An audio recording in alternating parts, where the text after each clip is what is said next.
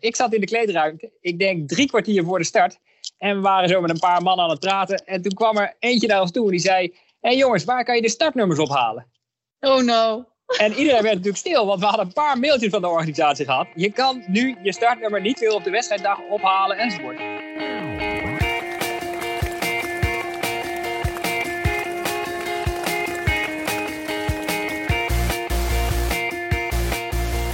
Welkom bij de 58e aflevering van Suzy Q&A, de podcast over hardlopen, training en wedstrijden. Ik ben Olivia Heimel, hoofdredacteur van Runners World. En aan de lijn heb ik Susan Crummins, die geen introductie meer behoeft. Suzanne, we gaan het vandaag hebben over de Amsterdam Marathon. En over jouw benen. Hoe gaat het met je beentjes? Ja, uh, slecht natuurlijk. Maar dat is helemaal niet erg. Dat heb ik verdiend. Want ik ben gewoon doorgelopen. Ja, niet te geloven. Je hebt je echt uh, wel een beetje misdragen. Ik, ik schrok ervan. Ik dacht, jij gaat sowieso uitstappen. Dat was het plan. Ja, ik had wel het geluk. Mijn coach uh, Bart van der Aalst was vergevingsgezind. Het eerste wat ik met mijn telefoon deed na afloop was ook hem een berichtje sturen met sorry, sorry, sorry. sorry. Maar hij begreep het. Ja, jij zou er ook mee zitten toch? Met wat gaat de coach nu van me denken? Ja, weet je wat het is? Je hebt dan, dan als je dan gaat doorlopen, want eh, wanneer zou je eigenlijk uitstappen? Was ja, 35, zo 35 33. Mijn, mijn kinderen stonden bij 33. Dus dan heb je naar de hand nog best wel veel tijd om, om je te bedenken en te zeggen: als ah, toch niet een goed idee. Dus het niet, je doet het niet per ongeluk, toch? Nee, nee maar het is, er hoort wel een heel verhaal bij. En sommige podcastluisteraars die dachten al, hij gaat doorlopen. Hè? Dus misschien, misschien reconstrueer ik nu iets in mijn hoofd wat, wat al heel anders was. Maar in mijn laatste marathon in 2019 in uh, Amstelveen, dat is de marathon die mijn tweede marathon had moeten worden, uh, was ik uitgestapt bij Esther en Elisa, mijn dochter. En, uh, en ben ik nooit aangekomen bij Marijn, die verderop met zijn stiefmoeder klaar stond met een spandoek. Dat vond ik ook oh. vrij hartverscheurend. En, en er was natuurlijk geen verband. Uh, dit is best een beetje een moeilijk stukje voor me. Maar, uh, maar anderhalve week later bleek Esther dan borstkanker te hebben. En, en, en natuurlijk was er geen verband. Maar ik heb mezelf nooit vergeven dat ik zo'n slappe zak was. En dat daarna zeg maar alles misging. Mm En nu was het natuurlijk mijn eerste wedstrijd. Tweeënhalf jaar later. Want eerst was zij ziek en vervolgens begon die lockdown. En uh, ik logeerde weer bij mijn zus. Want die woont toevallig vlak bij de start van de Amstelveen Marathon. Maar ook vlak bij de start van de Amsterdam Marathon. Dus dat leek gewoon allemaal zo ontzettend veel op elkaar dat ik. Ja, ergens onderweg werd het gewoon onmogelijk om weer uit te stappen bij mijn kinderen. En, en, en, dus kwam ik voorbij op 33 en, en riep ik gewoon. Ik ga door. Ik ga door. En toen hoorde ik Marijn ook gillen: hij gaat door, jee! Dus ik dacht: oh, dat heb ik goed aan gedaan. Maar bij 33 was ik mm, al redelijk dood. en toen dacht ik dus: oké, ik ga door. En tot die tijd had ik best wel, best wel een beetje gevlierenfloten, zeg maar. Ik, eh, ik weet nog dat ik, uh, ja, de eerste paar kilometer is heel weird bij zo'n grote marathon. Ik had nog nooit echt een grote marathon gelopen. Want er komen natuurlijk aan alle kanten mensen voorbij waarvan je denkt... Mm. Nou, als je, als je dit tempo erin hebt en al zo moet hijgen na twee kilometer. succes. Heel succes, succes verder. Echt heel veel mensen komen hier voorbij. En ik eh, liep daar natuurlijk. Ik bedoel, ik heb ook niet heel veel gedronken. Ik nam af en toe een slokje. Ook omdat ik, ik kreeg dan een flesje van mijn vrouw en kinderen. Maar daar hadden ze jelletje aan vastgemaakt. En Esther had net voor de start nog geappt. Want die zag ik natuurlijk in de wedstrijd pas weer. Want die had ik de dag ervoor gezien. Probeer hem niet los te maken, het jelletje. Maar ik dacht, ja, probeer het jelletje niet los te maken. ah ja, hallo, hij moet los. maar zij bedoelde ermee dat ik gewoon tegen het flesje aan moest duwen. En dan mijn mond erbij moest houden. En dan zo het jelletje leeg kon duwen. Oh, is dat de truc? Ik ken die truc niet. Nee, die ken ik ook niet. Ik heb er natuurlijk geen ervaring mee. Maar... en nee, dus die challenge is niet helemaal gelukt. En voor de rest, ja, die sportdrank is best heftig. Dat, ja, Morten, dat is een soort gesmolten winegum, zeg maar. Dus na een paar ja, slokken denk je echt niet, laat ik nog meer nemen. Nee, eh, en ik dacht toch de hele tijd, ik ga uitstappen. Dus uh, ik weet dan dat ik Bjorn... Ah, daar zeg ik het weer verkeerd. Onderweg zei ik het ook verkeerd trouwens. Zei, zei ik ook weer, Bjorn, die kwam ik tegen. Die, want die, je draait dan zo en je komt dan het topveld weer tegen. En ik, hé, hey, kom op. En toen kwam ik later Ivo nog tegen. Want die liep dan net na het keerpunt aan de andere kant van de Amstel. Dus ik die hele rivier over. Kom op, Ivo. Ja, ik had echt een grote lol. En na 13 was ik een beetje versneld. Omdat ik dan de eerste keer mijn kinderen zag zien. En toen liep ik weg uit het groepje. En toen ging het gelijk 3,38 of zo, die kilometer. Ja. Toen dacht ik, ah ja, ik loop gewoon door, weet je. Maar ja, toen zou, toen zou ik doorgaan natuurlijk naar 33. En dan wordt het echt wel iets minder leuk. De eerste fase dat je, dat je ik liep zo, zo rond de 350, 351. En dat je benen dan opeens helemaal leeg zijn. En toch loop je nog steeds dat tempo. En dan denk je, hm, dat is best wel gek. Ik heb een paar keer naar beneden gekeken van, ah, ze zijn er gewoon nog. En ze lopen nog dit tempo, maar er zit eigenlijk niks meer in. En toen uh, vier kilometer voor het einde dacht ik, nou, dit kan eigenlijk niet meer misgaan. Want ja, je kan in vier minuten nog wel wat tijd verspelen, maar je speelt natuurlijk niet minuten. Ik had 2,47 hoog staan. Hè. Mhm. En toen op 39 in het Vondelpark stond ik opeens echt helemaal geparkeerd. Ik, eh, ik, ja, ik werd gewoon bijna duizelig en ik, ik viel zo tegen een hek. Ik heb nog steeds last van mijn pols en ik hield me zo aan het hek vast. En, en ik, ik- ja, ik, en ik overal krampen en in mijn zij. En toen dacht ik, ah, het is echt terug om op 39 te stranden. Ja. En toen strompelde ik een beetje verder. Ik zag mensen echt kijken van, daar moet je nooit een marathon lopen. Zo leuk is het allemaal niet. Ja, eh, nou, ik doe het nu even voor runners high, noemen ze Ja. dat. maar door een wonder kon ik toch nog wel weer op gang trekken. Ik kon zelfs nog wel een eindsprintje uit persen in het stadion. Ehm, Nou. En toen was ik opeens over de finish. Eh, ja, dat was natuurlijk wel ontzettend emotioneel ook. Ik probeerde de eerste paar keer te vertellen waarom ik dan door was gelopen. Maar dat lukte helemaal niet, omdat ik helemaal... Oh. En toen zag Ja. ik ook mijn vrouw en kinderen weer en, en gezond. En, ehm, ja, dit was prachtig. Maar toen eh, was ik wel behoorlijk naar de vaantjes. Ja, en nou, toen de kwam vaantjes snap ik, ja. het grappigste nog, ik was natuurlijk jarenlang gepest eh, door Imo. Dat zijn vriendin, eh, die wel een hele goede marathon loopt. Die heeft een boek met haar geschreven, Patricia Scheurs. Ja. Eh, die, eh, die staat natuurlijk op het podium bij NK, althans heeft ze gestaan. En die heeft eh 2,45 gelopen. En dan zei ze steeds, ja, jij loopt langzamer, zeg maar. Vond dat Oh, is dat een klein beetje een ulterior motive? Nou, zeker. Ja. En toen- dus ik zit in de trein terug en ik zeg, wat liep ze? Eh, 2,45? eh, en toen zei hij eh 2,44, 44. Toen Niet dacht echt waar. Oeh, oeh, toen dacht ik, oeh, dat is echt bijna mijn tijd. Ehm, maar toen moest ik op de uitslag wachten. Echt lang, echt urenlang op die uitslag gewacht. En toen kwam het 2, 44, 43. Dus ik heb gelijk app gehad. Yo, het is voorbij. Je kan me gewoon nooit meer pesten. En Niet, toch? eh, Heb je ja, toen kwam 43? s'avonds de correctie. Ja, ik wou zeggen. En toen precies een seconde langzamer. 2, 44, 44. Nee, want ik dacht nog van, heb je dat expres gedaan? Ik vind het een mooi, een mooi getal, zo 244, 44. Het is, Ja, allemaal als je. Olivier heet en 44 Ja. bent, dan, dan zijn het een Inderdaad. heleboel vieren. Dat Nee, dat is prachtig. En, Esther heeft me ook zo getroost, want dit is eigenlijk veel mooier dan 2, 44, 43. Maar goed, ik, en ik heb ook tegen iemand gezegd, je kan nog steeds niet zeggen dat ze sneller is nu. Nee, dat is waar. Hè. We weten Dus, niet eh, hoe het met de tiende is en de honderdste. nee, dus ik hoef ook niet meer. Het is, het is, het is heerlijk. Nee, maar per ongeluk toch gewoon een hele marathon gelopen. Ja, ik vind het knap. Eh, ja, het is dus niet per se goed voor je. Dat merkte ik vanochtend ook wel. Zelfs de hele kamer ruikt een beetje naar... Nee, ik weet niet precies. Nee. Maar, Naar eh, spierafbraak. ja. ik weet niet hoe het ruikt, maar... Nee, ik, ik, er waren ook al mensen naar de finish die zeiden... Wat is je volgende wedstrijd? Nou, dat is echt een Daar moet ik nog even niet over nadenken. blank sheet. Maar je zit nu wel boven. Dus hoe gaat het met de trap, traplopen en zo? Dat is... Eh, nou, omhoog gaat wel. Omlaag. Ja, ik heb het geluk, ik moet steeds van de, van de eerste etage naar de onderste. En dan kan ik me met mijn armen zo beet houden aan de traptreden van de trap daarboven, zeg maar. En dan gaat het Oh, wel. ja, Want ik kan ja. niet echt op mijn bovenspier. De kuit heb ik geen last van. Dat komt denk ik door, door die schoenen. ja. Ehm, dus ehm, ja, nee. Maar had je dat ook na de 10 kilometer dan? Of ehm, ben je er dan wel iets beter aan toe? Nee, de 10 kilometer, dan, dan heb ik dat niet. Maar na die ene halve marathon die ik dan heb gelopen, had ik dat ook wel. Toen dacht ik wel van, ik snap hoe dat dan bij een marathon dan twee keer zo erg kan zijn. Dat, dat snap ik dan. Dus eh, ja, nee, dat is eh, in de 10 kilometer, dat is, dat is niet lang genoeg om dan, dan niet trap te kunnen lopen. Nee. Nee, het is ook wel grappig dat je in die laatste kilometers, dan ga je echt, dan zwalk je. En dan ben je toch nog mensen aan het inhalen die ook zwalken.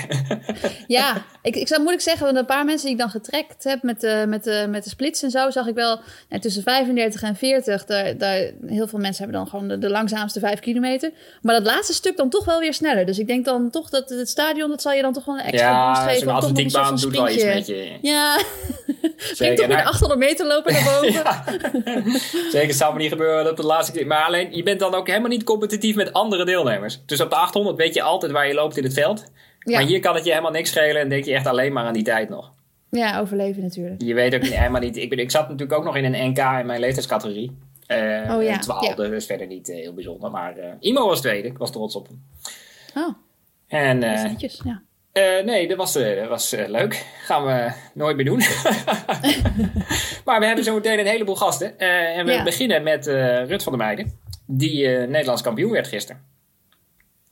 Misschien even goed te vertellen. Daarna hebben we ehm, Ronald Scheur. ja, En dan nog Kalietje Koet. Die ook Nederlands kampioen werd. Ja. En er is een heleboel gebeurd. Dus ik, ik kan niet wachten. nee, maar ik denk dat ze mooie verhalen hebben allemaal. En dan hebben we nu eh, Rut van der Meijden aan de lijn, als het goed is. Eh, Rut, jij was eh, in 2010 Europees kampioen op de duathlon. En je stapte daarna over naar het lopen. Daar werd je Nederlands kampioen op de 10.000 meter, de halve marathon, de marathon en het veldlopen. En gisteren won jij het NK in Amsterdam in 2.29.54. Ik geef misschien dat te veel weg, maar dat was net niet je PR. Hoe ging het? Ja, het ging echt heel goed. Eigenlijk boven verwachting, moet ik zeggen. Uh, ja, we, hadden, uh, we zouden eigenlijk weggaan op 2.31. En ehm, ja, weet je, het, sinds de corona zijn er gewoon weinig wedstrijden geweest. Dus het is altijd even de vraag hoe het dan ook zou gaan, hoe het gaat, hoe je je voelt, hè, wat je op dat moment in staat bent. Ehm, maar, het, maar het voelde gewoon echt heel goed, eigenlijk al tot het eind. Normaal heb je dat je de man met de hamer tegenkomt, zeg maar. Dat, op een gegeven moment dan, dan wordt het heel zwaar. En die moment kwam maar niet. En dat is zo heerlijk. En daardoor kon ik aan het eind nog echt gewoon een sprint te zetten om gewoon om die 230 te kunnen. Wauw. Uh, ja, dus dat was echt heel fijn. Maar dacht je dan ook ergens, misschien had ik nog harder moeten starten als die man niet komt? Uh, ja, ja, achteraf denk je, had ik misschien harder kunnen lopen. Uh, maar dat weet je niet. Hè? Dan had je misschien wel die man natuurlijk tegengekomen, want dan ben je natuurlijk in door de energievoorraad heen. En aan de andere kant, mijn doel was gewoon een Nederlands titel te behalen. Uh, en sowieso zouden we op een mooie tijd weggaan. Dus uh, het was niet zozeer mijn keuze om voor een PR te gaan, zeg maar. Mm Dat kreeg je bijna als cadeautje erbij. Bijna, op, op 20 seconden na. Ja, klopt. Uh, en in de strijd om het NK, dat ging vooral met Bo Ummels, denk ik. En die zat eerste stuk voor jou, toch? Ja, klopt. Ja. We zaten eigenlijk in een groep. We hadden uh, een haas, uh, Jori, en die zou weggaan voor 2,31. we liepen in het begin iets voor op schema, maar dat was prima. We hadden echt een heel mooie groep, want er haakten best wel veel mannen aan. En er was nog een Franse dame die erbij zat. Ik heb hem bewust achterin gehouden, want vooral in het begin, iedereen is chaotisch, iedereen zoekt een plekje op, uh, gaat van links naar rechts. Je krijgt daar de valpartijen, iemand zwikte de enkels om, weet je wel. Ja, ik wil gewoon die overzicht hebben. En in de marathon, ja, je moet toch 42 kilometer lang ben je onderweg. Het begin is nog niet het belangrijkste. Dat gebeurt pas eigenlijk na 30 kilometer. Dus ik heb hem bewust gewoon rustig gehouden. Ik bedoel, dan zit mooi uit de wind. Ik heb de zicht erop. En niet dat ik ergens tussenin zit en dat ik dan iemand struikel of zo. Ik ben, ik ben in, de, in Enschede ook al gevallen, dus uh, die risico wilde ik niet weer nemen. Oh, wow. dus, uh, was dat bij ja. de drankpost of zo? Of, of hoe nee, nee, nee, het was al vrij snel eigenlijk na acht kilometer. En uh, iemand, het was nog, ja, Jill tikte tegen iemand aan en toen kwam ik dus tegen Jill aan.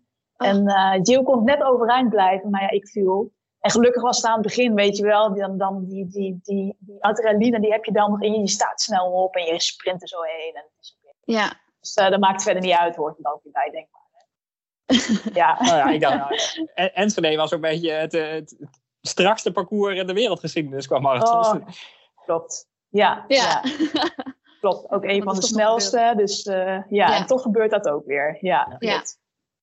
Nou goed, dat heb je wel Wat? meegenomen, dus door, je, door dan nu achter in de groep te lopen. Ja, al weet ik niet of het heel veel uitmaakt hoor. Ik bedoel, als iemand voor mij valt, de kans dat je dan misschien nog ook weer struikelt, zit natuurlijk altijd in. Nou, je kent het wel natuurlijk van de baanwedstrijden. Ja. Dus uh, dat heb ja, maar ik kan me ook. voorstellen, bij zo'n drankpost inderdaad, dat iedereen opeens opzij uh, richting die tafel. En je zag het ook, ik was natuurlijk uh, via de stream aan het volgen, zag ik inderdaad in de kopgroep ook dat er dan iemand was die zijn tafel voorbij was gelopen en gewoon op de rem trapte, omdraaide en gewoon weer terugging naar die tafel. En gewoon, ja, dan denk je ook niet na over of er nog iemand achter je loopt natuurlijk. Maar uh, ja, iedere keer weer bij, bij zo'n drankpost, dan hou ik altijd mijn adem in als ik aan het kijken ben. Nou, ik moet wel zeggen dat ik daar wel extra rekening hou hoor. Als ik uh, ja. die drankpost aankomen, ik, ik geef al richting aan voor degene die achter mij lopen. ik wil rechts lopen. ja, en dan geven ze vaak al ruimte. Uh, ja. En dan um, is het daarna komt natuurlijk die andere drankposten voor de overige mensen. En dan wordt, die willen dan vaak natuurlijk snel erbij. Dus dan moet ik wel zorgen dat ik dan weer naar links uh, loop. Ja. Ik dan in ieder geval niet in de weg loop. En dan, dat zal het eventjes. Uh, maar het, ja. het, is allemaal goed gegaan. Ja. Helemaal goed dat gegaan. Dat vind ik ook fijn. Ja. En wat je je goed voelde, heb je dan, heb je dan zeg maar na 30 kilometer nog versneld? Is dat, heb, je het, heb je een negatieve split gelopen? Of um, ja, is het gewoon vrij vlak een, geweest? Nee, ik heb wel een negatieve split gelopen. Nice. Uh, na 25 of 26 of 27 kilometer, denk ik. Toen gingen er wat mannen door. En uh, ja, ik voelde me nog goed. En ik zei tegen de haas van... Uh, ik, ik wil er eigenlijk in mee, weet je wel. Ook natuurlijk met de gedachtegang om ja, nummer 2, Bo. Dus eigenlijk een beetje te breken. Ik hoop natuurlijk die stap te kunnen maken. En toen ben ik gaan versnellen en dat, en dat lukte ook. En uh, ik kon die tempo gewoon heel goed vasthouden. En daardoor heb ik wel sneller gelopen dan het eerste gedeelte. Dat is natuurlijk ook altijd fijn. Ja. ja. Nou, ik had er zelf nog nooit gelopen, maar ik vond het lastigste eigenlijk helemaal aan het eind, dat tunneltje.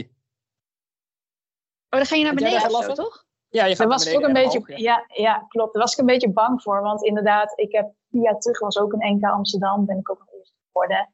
En ik weet nog dat ik die laatste gedeelte heel lastig vond. Inderdaad met die tunneltjes. Omdat ik toen heel erg last had van een peesplaat in mijn heup.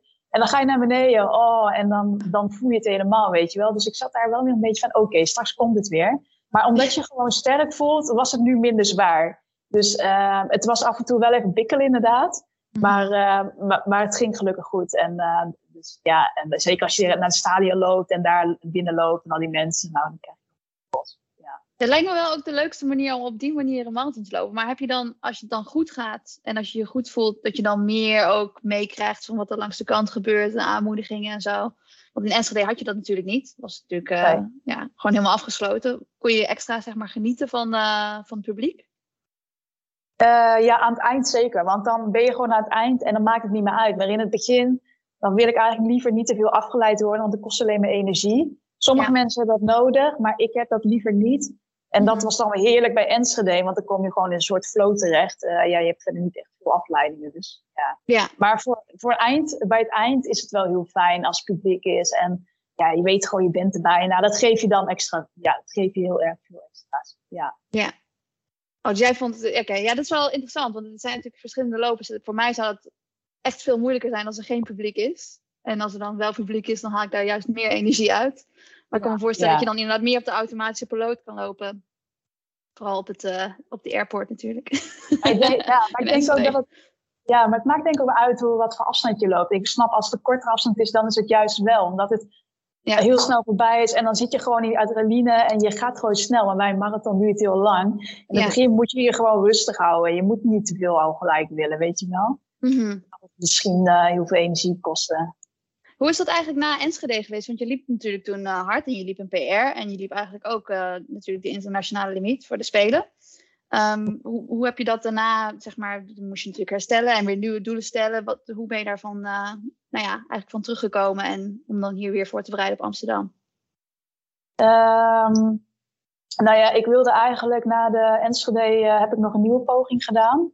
Mm -hmm. Dat was in Oostenrijk. Die werd ook net zoals Enschede speciaal georganiseerd voor atleten die zich nog willen kwalificeren. Dat was echt de laatste mogelijkheid.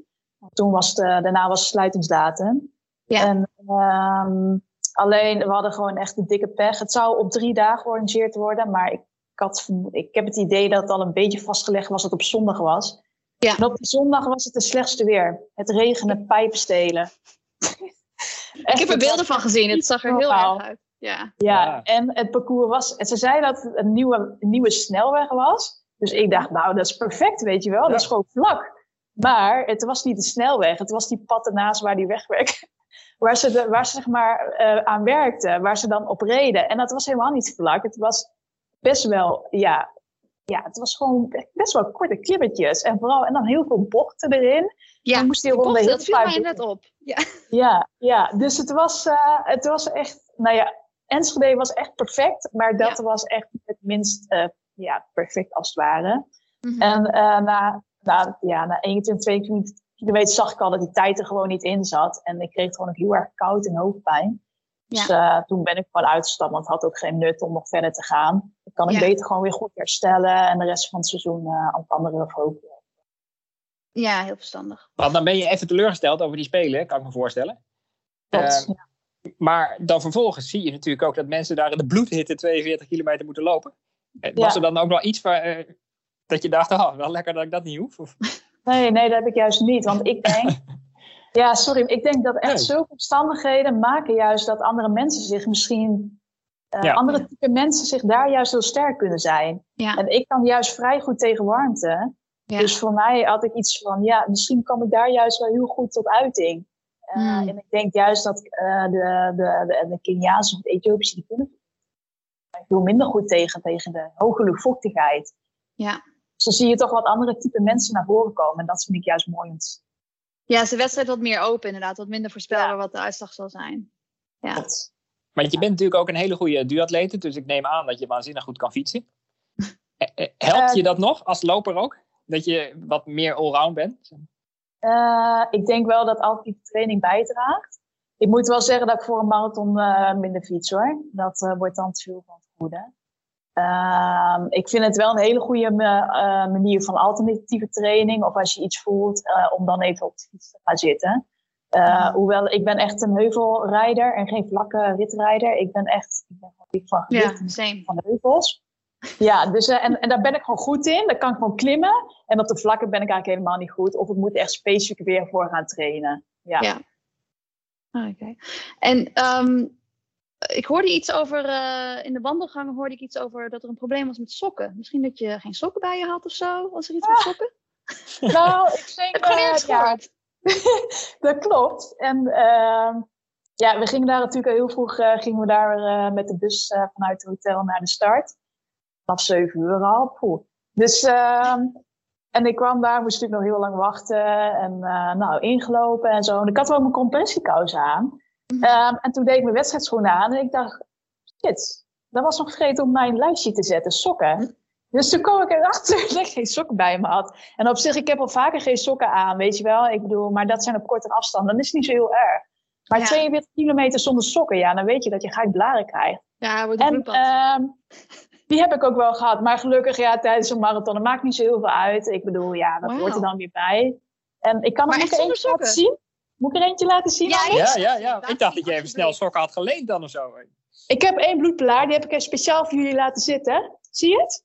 Oh, oh, jeetje, ja. Oh, ah. nice. Die is wel goed gelukt. Dat is, dat is, mijn, eh, dat is mijn aandenken. Nou, ja, Even voor de luisteraar zit gewoon een vleeswond op de Achillespees. Ja, dit was een van mijn betere screenshots geweest als ik hem gemaakt heb.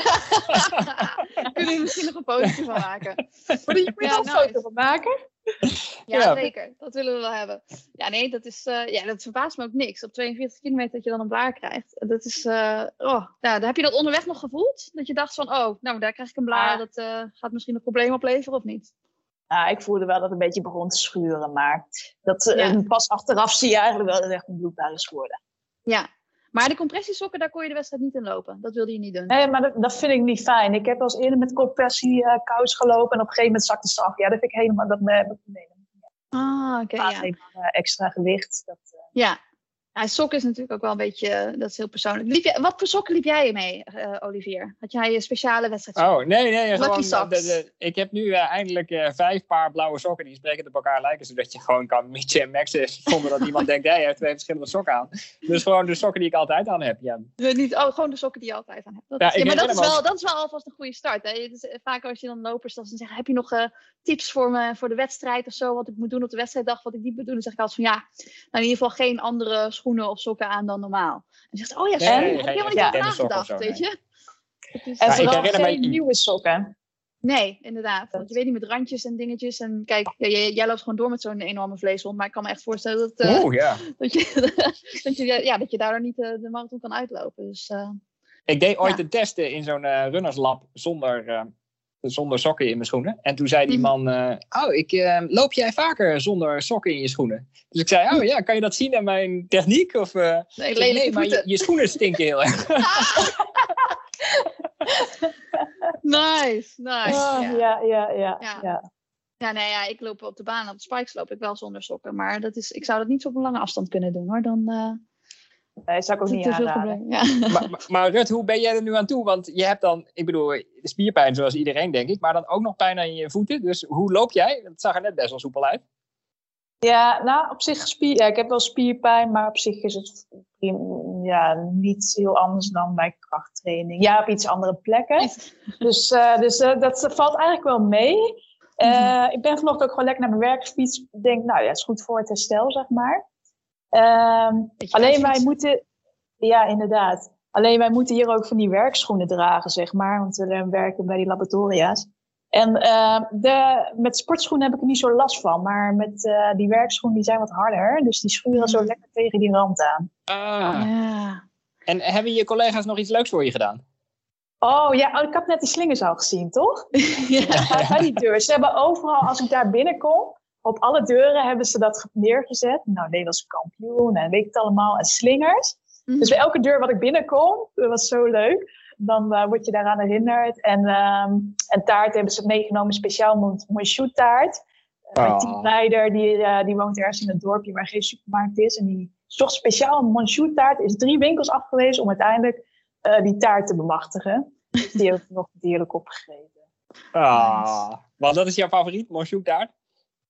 Nou, ik zei elke keer van, eh, als, ja, als er Monchou taart is, dan ben ik er dus blijkbaar nooit. Dus ik zeg, ja, ik wil ook wel een keer Monchou taart. Dus, eh,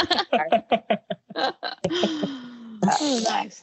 Nou, voor, voor Tokio is het, toen was je fulltime atleet, toch? Toen heb je daar voorbereid op, eh, op al die, op Enschede in ieder geval, nog als fulltime atleet. En nu ben je weer aan het werk, ook fulltime dan? ja, ik ben nu fulltime aan het werk. Ja, En dan, zeg maar, voor Amsterdam heb- was je ook gewoon aan het werk. Klopt. Ja, ik heb nog gewoon heel eh, tot vrijdag eh, gewerkt. Ja. Wauw, en hoe combineer je dat met je, met je marathontrainingen? Eh, ja, wat ik eigenlijk doe is, als ik echt lange, stel je voor dat ik lange kilometerweken heb. Mhm. Wat is lang? Dan ga ik, eh, 180. Dat is lang. 180 de langste week. Ja. Ja. Dan ga ik voor het werk trainen. En dus vooral vroeg opstaan. Eh, dan, s ochtends doe ik altijd wel de hoofdtraining. Want dan ben ik nog fris. En dan kan ik die trainingen nog goed aan. En dan ga ik werken. En dan doe ik eh, na het werk eh, de tweede training. Ja. Meestal dan ben ik gewoon vermoeider. Dan merk ik gewoon. Dus dan doe ik gewoon een rustige training. Maar dan heb je nu toch in vergelijking met Enschede, kijk, je, je loopt niet precies dezelfde tijd, maar het is ook niet een heel geregisseerde wedstrijd. Heb je eigenlijk gewoon net zo goed gelopen natuurlijk. Ja, ja. Ja, dus denk je dat het iets uitmaakt? Of je, of je werkt of dat je niet werkt? Voor jou en je herstel? Ehm, eh, ik denk wel, wat ik wel had deze week ook. Ik was, ik had zondag, wat ik ook doe, is dan in het weekend de langere, echt de lange trainingen neerzetten. Dat ik wel gewoon goed kan uitrusten daarna en door. Ja. Maar soms moet ik ook wel eens op zaterdag werken. Dus dan is dat even een beetje zoeken naar de juiste balans.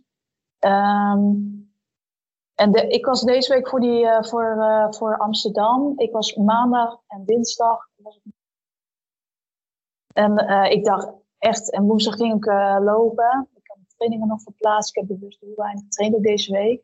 Ik had de dinsdag training verplaatst naar woensdag. En het voelde gewoon nog niet echt dat ik nou dacht van, nou, er wordt wat zondag. En, ja, dus eh, en ik was ook mijn loodje vergeten tijdens het trainen. Dus ik kon die tempo ook niet, niet, en niet klokken of wat dan ook. Dus, Misschien eh, daarom ook wel je sokken vergeten, hè? Gewoon Ja, ja. Ja, ja, ja. soort mental Ja, overload. eh. Ja. Ja, zoiets. Dus ehm, ik was echt heel erg moe. Dus ik heb deze week geprobeerd zoveel mogelijk rust te pakken. En donderdag wat tempertjes gedaan. En vrijdag gewoon niks gedaan. Ja. En ehm, dus ik was ook, een- daarom was ik ook wel een beetje huiverig voor Amsterdam. Van hoe ga ik mij voelen? Ben ik misschien niet, heb ik niet iets te veel gedaan? Of ben ik niet Mhm. voldoende, onvoldoende uitgerust? Eh, maar dat eh, was het tegendeel gelukkig. En ik heb toch op tijd, eh, denk ik, gas teruggenomen. Ja. Ja. Normaal had ik, zou ik iets meer hebben gelopen in zo'n in zo'n week voor de marathon. Om toch die spanning te behouden. Ja. Dat heb ik nu eigenlijk niet gedaan. Dus, dus ja, toch iets Gewoon wat meer getaperd en uitgerust. tot, ja. Heel goed. En eh, wat wordt de volgende? Dat is altijd een goede slotvraag. Ehm, nou ja, ik ga eerst nu even lekker herstellen. En eh, de veranderloop komt eraan, hè? Dat is leuk, want het is de NK Cross dit jaar. De Ja. NK. Dus Ja. eh, na de corona. Dus daar wil ik eh, aan meedoen. Ehm, ik zit nog even te kijken. Ik, ben, ik heb nog eh, geplaatst voor de EK-marathon. Ik wilde zeggen, als je bij de veranda, als je goed loopt en als je naar het EK Cross zou kunnen, zou je dat dan willen? Graag. Ja, ja, zeker weten. Leuk, als een team sturen, zou mooi zijn, hè? Ja, ik ben benieuwd eh, wat hij doet. Wat ze daar Ja. doen. En, ehm, dus ik, ik zit even te kijken of ik in het voorjaar nog een marathon ga doen. Of dat ik dat gewoon eh, skip. eh, en echt voor de EK ga. Of dat ik Mhm. misschien nog een poging voor snelle tijd ga. Met een hele goede voorbereiding op hoofdstage. Wat ik dit jaar eigenlijk al heb. Met eh, meer rust erbij, meer herstel. Maar dat, eh, ben ik nog, dat ga ik nog even, eh, even Nou, dan eh, wensen we jou ontzettend veel succes. Ja, En dankjewel. heel hartelijk bedankt voor je tijd. Ja, leuk. En herstel leuk. ze nog. Leuk. Ja, dankjewel.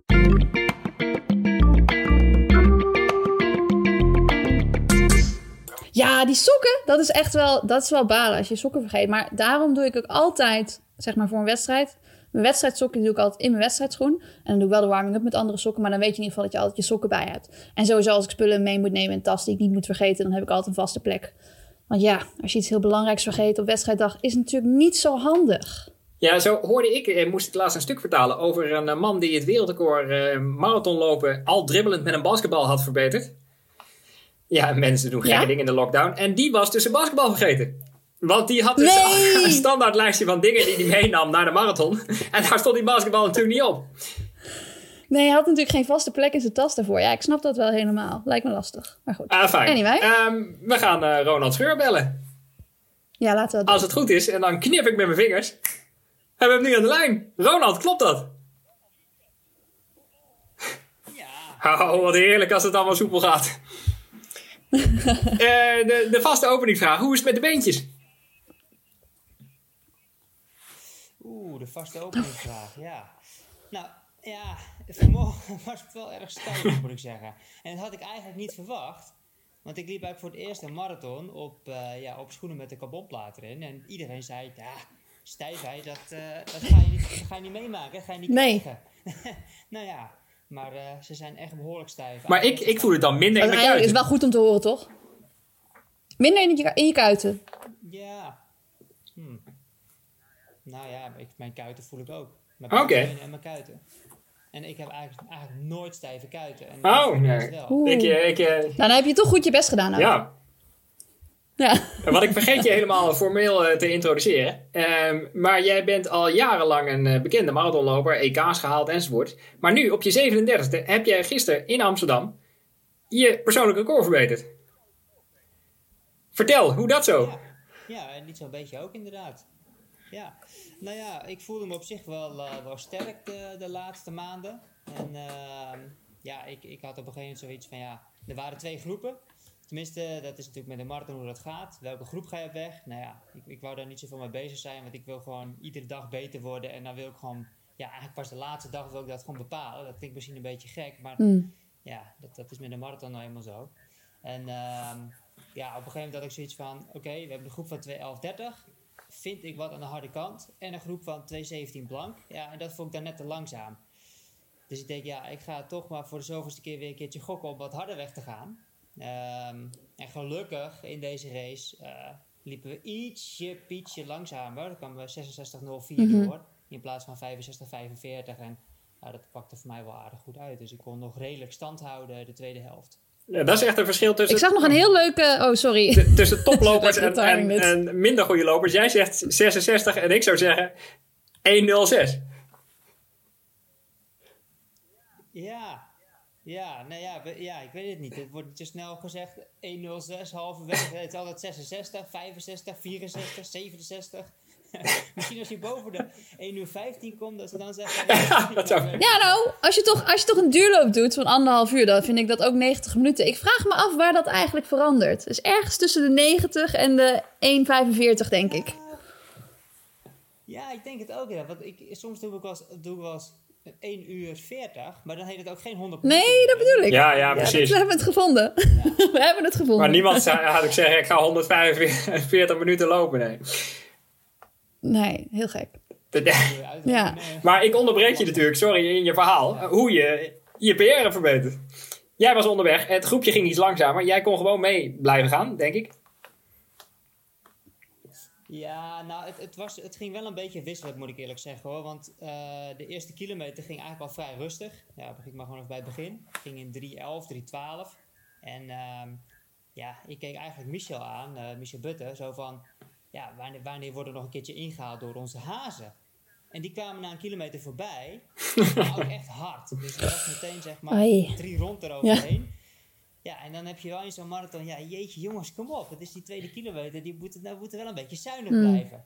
Maar, ehm, nou ja, goed, dat, eh, wij keken elkaar weer aan van, ja, moeten we nou meegaan? Moeten we lossen? Of wat moeten we doen? Maar goed, dan ga je natuurlijk toch maar mee omdat het de hazen zijn. En ehm, ja, daarna ging het wel een stapje rustiger. Maar het was wel continu dat ik dacht van, ja, het, het gaat wel aan de harde kant. Er zaten af en toe kilometers tussen die waren prima, maar ook kilometers die waren 3-3, 3-4. En dat is, ja, dat is absoluut niet mijn marathontempo. En dat voelde ik ook. Dat ik denk van, ja, dit is gewoon niet zuinig. Maar Was het dus niet super vlak ja, ik dan? zal niet de enige zijn. eh. was best wel tempowisselingen. Nee, het was niet helemaal ja, vlak. Ja, dat, ik, ik vond wel dat er wat tempowisselingen in zaten. Ja, ook als je terugkijkt naar, naar losse kilometersplits, dan Ja. eh, waren er wel meerdere kilometers achter elkaar, zag ik. Van eh, ja, die gewoon 3-4, 3-5, 3-3 en nog een keer 3-6. Ja. Ja. dat is bij elkaar was het wel een 5, 5 kilometer in 15, 17. En ja, dat is toch wel vrij hard. eh. Nou, voor de gemiddelde luisteraar ook wel, ja, zeker. Maar ik, Maar was je, was je je dan wel heel erg bewust onderweg ook? Van iedere split? Je kijk je altijd op je horloge? Of, of heb je zoiets van soms van ik moet het even juist niet kijken? Nou ja, mijn horloge heb ik eigenlijk altijd Hm. om. Alleen, ehm, ik had mijn horloge laten liggen in een hotel. Dus ik had hem, eh, ja, was kwijt. Hij, eh, hij is nog steeds kwijt. Ik heb ook geen eh, reactie meer gehad van het hotel. En, eh, dus ja, dan loop ik zonder horloge. Ik, Nee, maar wacht even. Voor de wedstrijd was je hem kwijt. we hadden net iemand die de Dus je staat sokken niet op kwijt was en Strava. nu jij was dus je horloge eigenlijk... kwijt. Ja, Maar dan heb je het dus eigenlijk niet gelopen. Dat telt dus eigenlijk niet, wat je nu hebt gedaan. Of wel? nee, het staat, het staat officieel niet op Maar heb je wel met de hand Oh. toegevoegd op Strava? Of, Ja. Ik heb hem Ja, zou ik ook doen, ja. ja. Ja, dat klopt, ja. Ja, even, even sidetrack. Ja.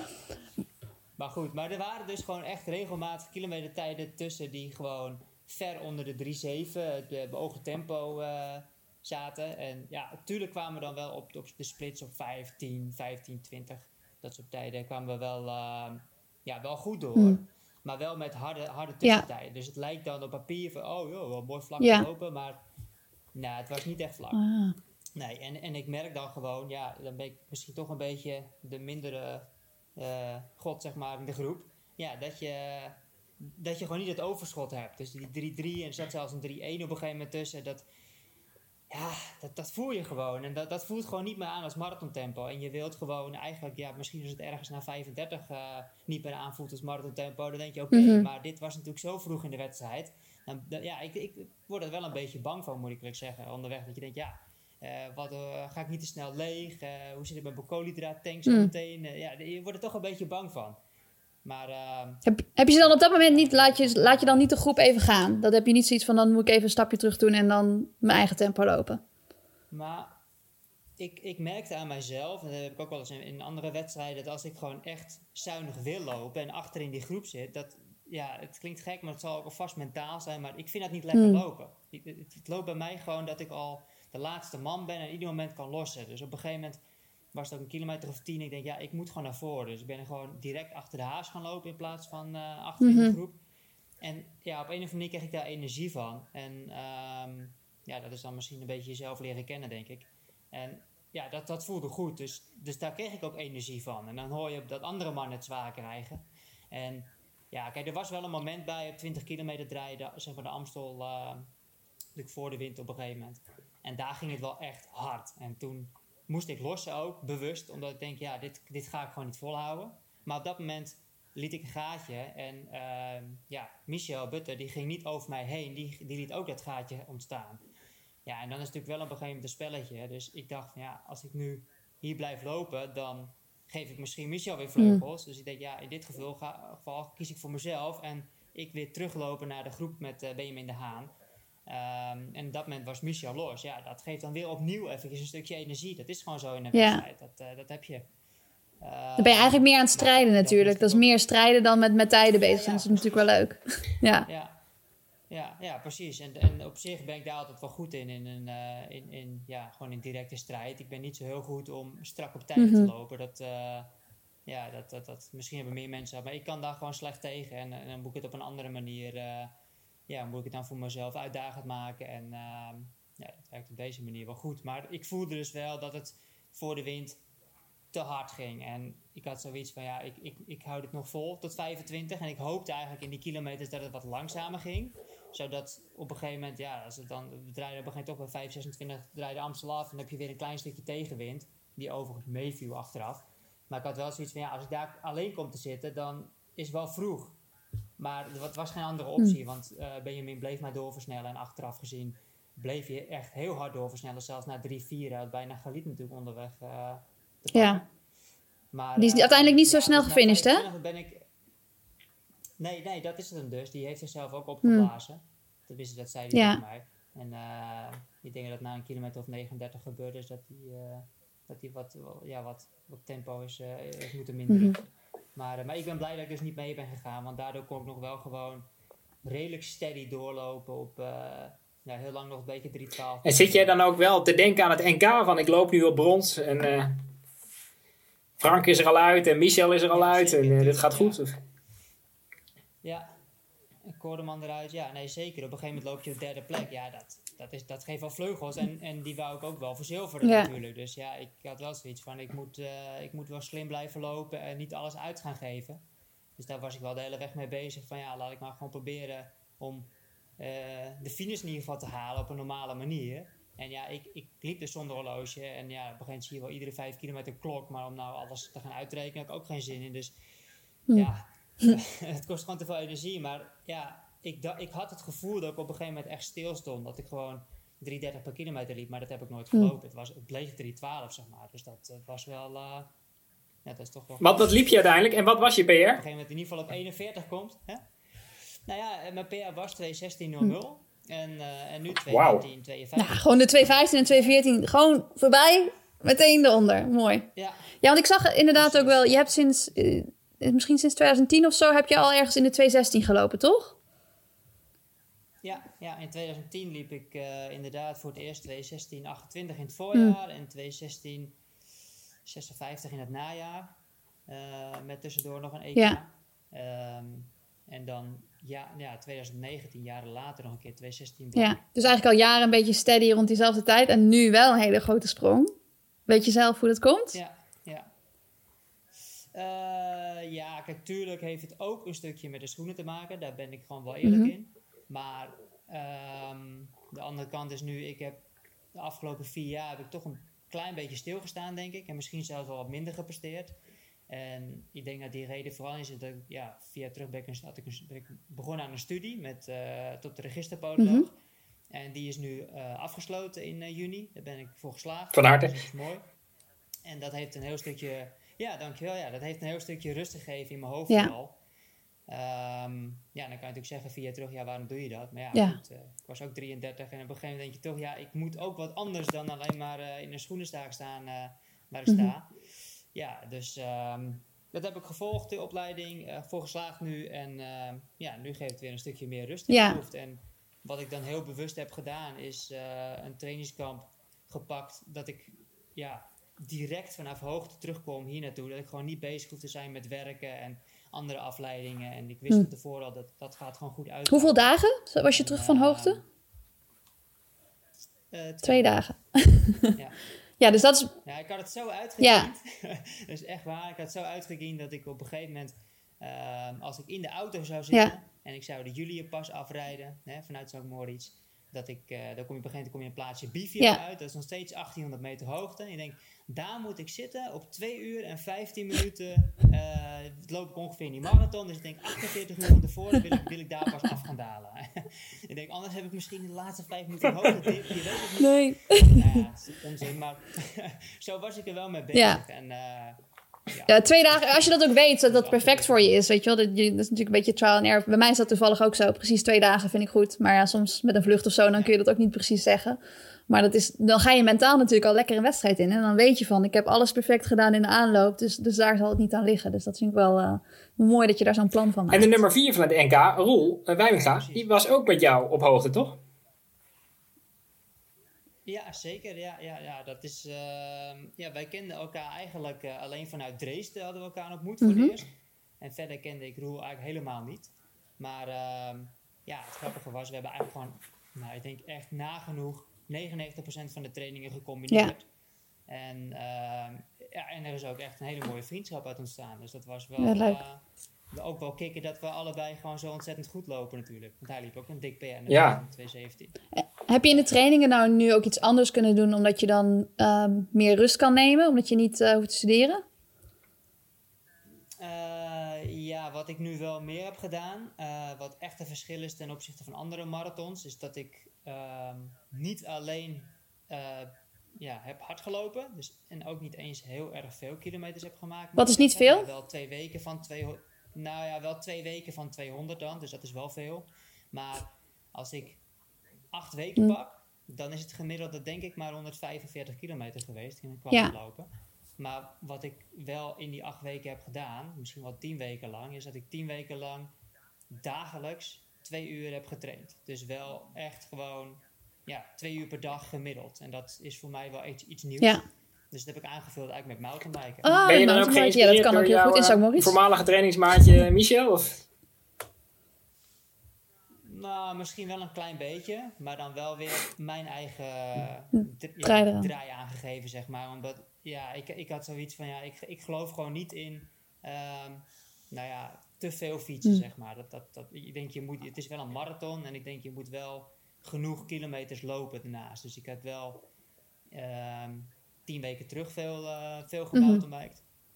Meer dan dat ik eigenlijk ook wou, maar dat kwam ook omdat ik geblesseerd was. Dus, eh, Oh jee, wat was de blessure? maar ja, goed.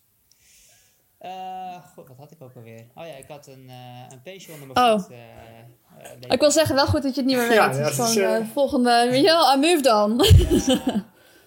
ja. Precies, ja, op een gegeven moment verdwijnt het. Oké, eh, dan ben je ja. kwijt, hè. Ja. Maar eh, ik weet dat je vrouw eh, heeft een elliptico, Jill natuurlijk. dus heb je, je gebruikt de elliptico niet? Nou, ik heb er één keer op gestaan. En ik denk wel geteld zeven minuten. En ik kreeg echt zo'n gigantische rugpijn. Oh. Ja, ik, ik weet Ja. dat, dat ding is voor mij helemaal niks. We hebben boven ook een, nou ja, hoe noem je zo'n ding, zo'n cross trainer staan. Hè? En, en daar heb ik precies hetzelfde. Ik weet niet hoe het Mm. kan. Het zal vast met mijn eigen rug te maken Ja. hebben. En misschien, ja, moet ik dat een kans geven. Maar ja, weet je, ik heb dan plezier in het mountainbiken. En. Ik voelde dat gewoon bij mij eh, werkt. Ja. dus ik heb zoiets van, ja, waar, waarom niet? Nou, ik denk wel bij alternatieve training dat het wel een beetje belangrijk is dat je er ook plezier in hebt. Anders is het een beetje lastig vol te houden natuurlijk. Ik zag trouwens nog een, eh, een heel leuk eh, interview van jou. En daarin werd je gevraagd van hoezo heb je nu een PR gelopen? Want met alle respect, je bent al 37. En toen, en toen zei jij, ja, maar iedereen weet toch, hoe ouder je wordt, hoe sneller. Ja. Ja, ik word daar zo gek van. Het is, er zijn zo ontzettend veel mensen die, die nou echt zeven jaar terug, die me al confronteren. Ah, ja, maar ja, je bent nu 30. Ja. Dus ja, nou gaat het aftakelen beginnen. Ja. Ik, ik, ik, word er echt zo moe van. Ik vind dat, ik vind dat zo vreselijk. En ja, ik heb zelf ook zoiets van, nou ja, ik ga gewoon bewijzen dat het echt totaal niet hoeft. En in het verleden is het al zo vaak geweest. Kijk naar Luc Mhm. 39 jaar. Er wordt daar nog gewoon vierde op een Europees kampioenschap in Keutenborg. Eh Mazen, die op zijn 37ste, dacht ik als ik het goed zeg, nog een Nederlands record loopt. Of in ieder geval weer 2-8 liep. Eh, volgens mij is de echte leeftijd, als we daarover praten, van Elliot Kipchoge gewoon 45. Ja, Ja, inderdaad. Haile Gebrselassie. Ik heb daar verhalen over gehoord dat hij 15 jaar oud was. en dus op zijn 15e meedeed met een voorbereiding van de Olympische Spelen van 1980. Nou, dat betekent dus als je dat gaat Ja, dat klopt helemaal niet. Dat hij 49 was en nog gewoon 1 uur. Ja, ja, ja. Ja, inderdaad. Kom op zeg. Nee, dat is, en dat, mijn coach zegt dat ook altijd. Van, eh, ja, age is, is een number. En het ligt er ook een beetje aan hoe, hoe je met je lichaam omgaat. En daarnaast denk ik dat voor marathon natuurlijk wel heel belangrijk is... dat je ook een beetje jezelf leert kennen... en wat voor jou werkt en wat natuurlijk niet werkt. En dat kan eigenlijk alleen maar met de jaren komen natuurlijk. Maar ik vond het een hele sterke one-liner. Ik heb hem ergens Bij, voetbal is het nog erger trouwens. In voetbalverslagen zeggen ze altijd: hij is al 30, dus hij moet het niet meer van zijn snelheid hebben. En eh, hij moet gewoon heel slim zijn met de bal. Terwijl ik denk: Giovanni Martina is ook iets van 34, hè? Dus eh, Moet het niet... Ja, precies. Ja, wonderlijk. En maar, gelukkig komt de marathon meestal niet aan op een eindsprint, hè? Dus, eh, nee, precies. Nou, zo is het ook. Ja. Ja. Kijk, natuurlijk zal er vast wel Mhm. iets zijn. eh, en ook wel bewezen zijn dat je natuurlijk gewoon snellere tijden kunt lopen op een baan bijvoorbeeld. En minder snel blessures hebt. Maar aan de andere kant, ik voel, zoals ik me nu voel, ja, zo voelde ik me ook dat ik 21 Ja. was. Dus ja, ik, ik voel daar niet zoveel verschil Nee. in. Alleen ja, het is. eh, ja, Ja, wat je zegt, leeftijd is just a number. Ja, zo is het toch. Maar ik, ik vond het ook wel, ja, ik vond het heel leuk. Dat interview was heel leuk, maar verder was het vanuit thuis, was de wedstrijd en alles was echt wel super moeilijk te volgen. Dus ik moet zeggen dat, dat ik dat zelf wel een beetje teleurstellend vond. Want ik had zoiets van, nou ja, ik ga lekker eh, eerst eh, de start kijken. Want ik, Sivan Hassan gaf toch Ja. de startschot of niet? Ja, nou, er is natuurlijk niks van gezien. En ik dacht, Nou ja, volgens mij zou zij het startschot geven. Maar ik, ik keek dus naar de starter. Waar daarnaast stond Sifan Hassan. Maar die, die, de, de starter gaf Niet waar. oh, wij gaan dit tot de bodem uitzoeken, eh, Ronald. Ja, dit hebben wij thuis dus allemaal niet kunnen zien. Zie, dan had ik toch moeten komen om aan te moedigen. Maar goed, ik, ik dacht van ze gaan van tevoren nog wel even een interviewtje doen met iemand. Of ja, hoeft ook niet per se met topatleten. Ik snap ook wel dat je in de zomer bent en dat je aan het voorbereiden bent. Maar het was gewoon een, een stream online die ook te laat begon. En waar ook eigenlijk geen commentaar bij was tot later in de wedstrijd. Maar het was gewoon zo moeilijk te volgen. En dat ook nog voor een NK en die onderlinge strijd en zo. Dat was gewoon zo mooi. Dus ik, ik zat een beetje op de trekker te kijken. Maar op een gegeven moment ben ik maar gewoon gaan trainen. En heb ik dan wel de finish nog kunnen zien. Maar ook niet alles. Dus uh, ja, ik vond dat daar nog wel wat winst te boeken is, eigenlijk. Ja, dat, dat, dat vind ik Ja. ook. Ja, normaal gesproken heb je ja, de regionale tv, RTV Noord-Holland. Die is dan ook vaak nog wel met een motor aanwezig die dan ja, eigenlijk gewoon een heel mooi verslag doet. En dat wordt dan vaak weer overgenomen door, door NOS. Maar nu, eh, ja, ik heb eigenlijk RTV Noord wel gezien bij de finish, maar ik denk niet dat ze... Maar de camera vergeten. Ja, ik denk het. Eh, ja, eh, nou ja. Suzanne die noemde net jouw eh, vrouw, Jill Holdeman. Heeft die, die heeft natuurlijk vorig jaar, eh, ik denk voor de buitenwereld, best wel onverwachte spelen gehaald. Heeft jou dat ook nog geïnspireerd? Ja, natuurlijk inspireert dat. Ja, nee, het is sowieso gewoon geweldig om eh, ja, een levenspartner te hebben, een maatje die, die ook hard loopt. En ehm, ja, goed, kijk, eh, ik moet op, ja, er komt opeens wat in mijn hoofd op. Dan moet ik aan Suzanne denken, die wel eens heeft gezegd: eh, We hebben een. Ja. Oh, weet jij gewoon. Ik denk, ja, oh joi, joi. Maar ja, goed, ja. Nou ja, misschien is dat bij ons soms ook wel. Want het is wel vaak zo, als ik goed draai, dan draait eigenlijk eh Jill niet zo goed. En als Jill goed draait, draai ik niet zo Ja. goed. Maar, ehm maar Gisteren, Maar, nee, gisteren maar was jullie kunnen elkaar toch gewoon on- ondersteunen. is wel fijn. Ja, maar misschien moet ik het even uitleggen voor de luisteraars, dat weten ze niet, hè. Dat is toen ik in Amerika woonde, toen woonde ik eh, in een huis met heel veel atleten. En er waren ook een aantal daarvan waren stelletjes. En toen zeiden we altijd van ieder stel dat hard liep, dat er altijd in iedere relatie een Gary is, als de man van Paula Radcliffe, en een Paula. Dat is Paula, de, de superster natuurlijk. En dat je eigenlijk niet allebei op het allerhoogste niveau tegelijkertijd kan lopen, omdat je elkaar ook moet ondersteunen, zeg maar. Maar zoals jij al zegt, van bij jullie wisselt dat een beetje af. Maar betekent dat nu ook dat Jill, zeg maar, in de aanloop naar Amsterdam wat meer tijd heeft vrijgemaakt om, om jou te helpen met trainingen, weet ik veel, drankjes aangeven, mee fietsen, dat soort dingen? Of hebben jullie wel gewoon jullie eigen ding gedaan en dat werkte gewoon goed? Ja, kijk, uiteindelijk, ja, we waren natuurlijk in, op trainingskamp in Zak-Moritz bijvoorbeeld. En ehm, ja, goed, daar was Jill natuurlijk aan het herstellen van eh, de Olympische Ja. Spelen nog. En een beetje weer rustig aan het opbouwen. Ja, nou goed. Ja, zij wordt altijd boos op mij als ze dan mee fietst, weet je wel. Dan, eh, ja, dan zit ik op een gegeven moment ver in zo'n training en dan is het zwaar. En dan, ja, Zeg je wel eens dingen? hazen en, en dan op de fiets, zeg maar. En dan geef ik een klein prikje in de rug dat ze harder mag. maar ja, dan wordt ze boos. Ja, ja, ja, waarom doe je dat nou? Maar ja, ja ik denk, ja, maar ja, hoe moet ik het anders doen? Ik kan moeilijk, zeg maar, eh, op mijn marathon tempo een heel verhaal aan. Jill, zou je alsjeblieft ietsjes harder willen gaan? Ja, dat, dat gaat niet. Dus je geeft een klein prikje. Maar ja, en dan zit je op 40 kilometer of zo in zo'n training. Dan raak je ook zelf natuurlijk een beetje geïrriteerd. Misschien Mm. eh, herkennen jullie dat Oh. als het zwaar is aan het einde van een training. Weet niet meer welke kant je op moet, toch? Dat is... Niet al te vriendelijk. oei. Ja, maar goed. Dat was ook Oh nee. ja. Maar goed. Maar fietsen ze op een gewone fiets of op een elektrische fiets? Nee, wel op een Ja, maar ik kan me voorstellen dat ja, marathon tempo en dan best wel lang mee moeten fietsen. Op en hoogte. In, op hoogte. Ja. Dat, is, ja, dat is toch best zwaar. Ik, ik, eh, ik ken in ieder geval wel mensen die mee fietsen op een elektrische fiets. Ik, ik, het zou eigenlijk ideaal zijn als je die elektrische fiets natuurlijk ook nog zou in kunnen stellen. Op bijvoorbeeld precies 19 per uur of zo. Ik noem Ja. maar wat. Of op 18 per uur, of weet ik Ja. veel wat. Ik weet niet of dat kan, maar dat zou eigenlijk nog wel een uitkomst zijn. Nee, maar daar kun je Jill denk ik wel in trainen. Dat is wel, dat is wel trainbaar, denk ik. Om vlak te Het fietsen. valt mij altijd op dat mensen op de fiets eigenlijk niet zo precies weten hoe hard ze gaan. Dus dan, dan komt er iemand naast je fietsen en die zegt: Jij loopt 19 per uur. En dan denk ik: Nee, ik loop echt geen 19 per uur. Hè? Maar dat zien ze dan op een fietsmetertje. En dan. eh, Ja, die... Ja, ook per uur. Ik weet dat niet eens, joh. Zeg gewoon minuten per kilometer. Precies, ja. ja, ja, ja. Ja, inderdaad. hey, maar heb je al eh, vervolgplannen? Eh, ja, goed. Nog niet eh, concrete marathonplannen. Alhoewel ik wel heel graag naar het EK zou willen volgend jaar. Dus ja, dan moet je natuurlijk denk ik in principe 2.12.30 lopen. Dus er zou nog wel een nieuwe marathon aangekomen. Ehm, ik liep natuurlijk wel nu een internationale limiet. Die staat volgens mij op 2.14 blank of 2.14.30. Dus het zou ook nog kunnen zijn dat als ik het niet loop, dat het misschien wel een aanwijsplek gaat Ja. worden. Dus dat eh, zou sowieso wel heel gaaf zijn als ik weer, Hoeveel, eh, weer een EK zou kunnen Hoeveel atleten zitten er in een team eigenlijk voor het EK? ik denk Zes. Oh ja, dat is nog best wel veel plekken. Het zou leuk zijn als ze een vol team sturen. Dan kan gewoon iedereen gaan. Ja, Ja. Dat hebben ze in het verleden wel vaak gedaan. Alleen je, ziet, ja, je hoort natuurlijk nu dat Abdi en Galit wel kiezen voor, eh, ja, voor met hun snelle tijd voor de WK. Ja. Dus dat betekent automatisch dat je hun niet in je team hebt eh, ja, voor Europa, voor het Europees kampioenschap. Eh, maar we hebben wel iemand nodig met een A-limiet. Ja, dat is dan dit, op dit moment nog één iemand, dus dat is Butte.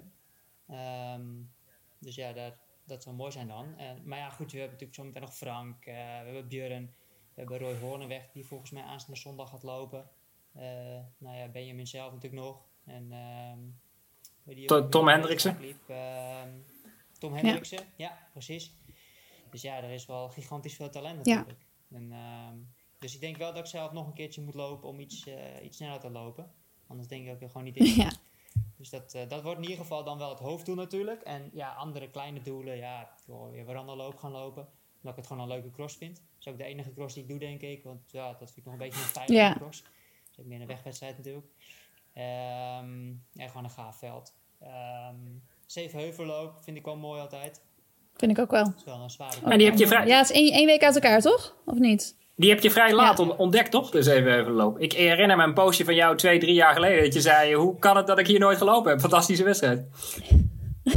Ja, dat klopt inderdaad. Ja, ik zat natuurlijk bij TDR en een of andere manier ehm, deden we nooit mee of mochten we nooit meedoen. Mm. Zoiets zou het zijn. Maar ehm, ja, nu wel natuurlijk. En eh, ja, ik, ik vind het echt een schitterende Ja. loop. Ja, het is gewoon prachtig. Ja, dat bent het mee eens. Mooiste parcours van Nederland.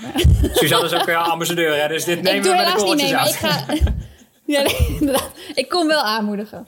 Doet dit jaar niet mee, maar kom aanmoedigen. Ja, Tof. Ja. Nou, Ronald, eh, heel hartelijk bedankt eh, voor jouw eh, bijdrage. En voor je schitterende prestatie natuurlijk. Dan eh, gaan wij zo eens eh Khalid eh, bellen. Heb je nog een vraag voor Khalid? Ehm, heb ik nog een vraag voor Galit? Ja, ik heb nog wel een vraag voor Galit. Ik, ik denk dat de vraag dan zou zijn van... Wat, wat, wat denkt hij wat er nog nodig is? Ehm, want ik denk dat hij op een, ook op een wereldkampioenschap echt wel goed kan eindigen. En ik denk dat daar dan wel een 2-7 voor nodig is. Maar ik denk dat hij dat kan. Maar ik vraag me af wat hij zelf denkt. Hoe hij dat kan... Hoe die, eh, kan, kan, ja, überhaupt kan gaan aanpakken. Wat hij moet gaan veranderen eigenlijk vooral in de training. Ik denk dat dat een mooie vraag is. Wat moet hij veranderen in de training om een 2-7 leeuw te worden? Ah. Want ik ben er heilig van... Vind ik een hele mooie Ja. vraag. Gaan we zeker stellen zo. Ik ga hem opschrijven.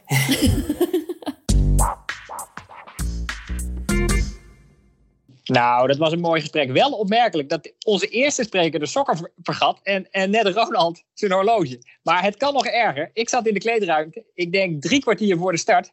En we waren zo met een paar mannen aan het praten. En toen kwam er eentje naar ons toe en die zei... Hé hey jongens, waar kan je de startnummers ophalen? Oh no. En iedereen werd natuurlijk stil, want we hadden een paar mailtjes van de organisatie gehad. Je kan nu je startnummer niet weer op de wedstrijddag ophalen enzovoort. Maar ja, niemand kreeg het over zijn hart om dat te zeggen. Ja, drie kwartier voor een marathon, dit wordt heel lastig. Dus heb jij gewoon gezegd om de hoek ergens, of niet? Ja, iedereen was stil en toen zei er iemand, ik zou het bij de start proberen. Zo. En toen liep hij weg en toen zeiden we allemaal tegen elkaar, oh nee, dit wordt natuurlijk helemaal niks. Oh, drama. Hartverscheurend. Maar goed, als het goed is hebben we nu Kalietje goed aan de lijn.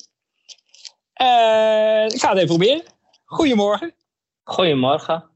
Ik, ik zeg. Khalid. Is het eigenlijk Khalid of is het Khalid? Eh, nee, normaal is het Khalid, maar je schrijft het met een K. Oh, Oké, Khalid. Maar je spreekt het uit Khalid. oké, ga het nu niet meer fout doen. Ehm, Nee. Van harte met je Nederlandse titel gisteren. Ja, bedankt. Je was vooraf een beetje favoriet, begreep ik, bij de andere Nederlanders. Vond je dat toen al terecht? Nou, ik denk dat ze echt meer druk op mij willen neerzetten, zeg maar. ja, maar dat is hun niet gelukt, hoor. ja, dat is, dat is een speler die ze met mij wilde spelen, maar ik was zo gretig en ik wilde echt presteren. presteren. Als het om kampioenschap dan sta ik altijd klaar voor. Ja. Dus Ben je daar gevoelig me voor? Niet? Niet, nooit. Je hebt zoiets van mind games, doe ik niet aan mij.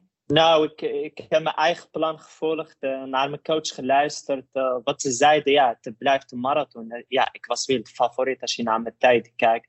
Die ik Ja. drie weken geleden heb in Manchester gelopen, was ik weer de favoriet. Maar het blijft toch een marathon, is echt onvoorspelbaar afstand.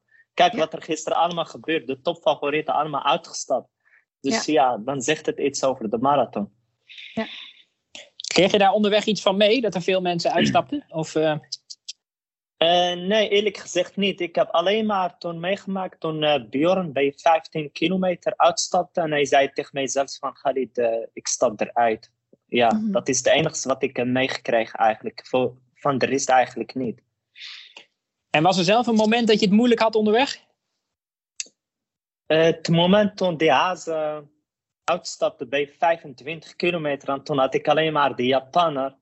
En toen dacht Mhm. ik, nu, nu moet ik het helemaal alleen doen. Bijna de helft heb ik eigenlijk helemaal solo gelopen. Echt jammer dat er geen hazen waren die gewoon tot 35 kilometer. Want dat is zo lastig als je alleen komt te lopen. Maar ja, een moment ga je sowieso moeilijk krijgen. Tussen de 38 en 40 kilometer. Het waren echt een beetje een moeilijk moment. Omdat ik mijn bidon miste, moest ik helemaal stoppen om terug te, Ja, gaan naar mijn bidon en die terugpakken. Dat heeft Ja. een beetje in. Want op dat moment had ik dat nodig, zeg maar. Want Ja. ik voelde dat een beetje mijn brandstof aan het op is. Dat had ik Mhm. nodig om, om die kilometer tijd eh, stabiel te blijven. En dat is goed gelukt. Weet je waarom je je bidon mis- miste? Was het eh, concentratie Ja. of omdat je het zwaar kreeg?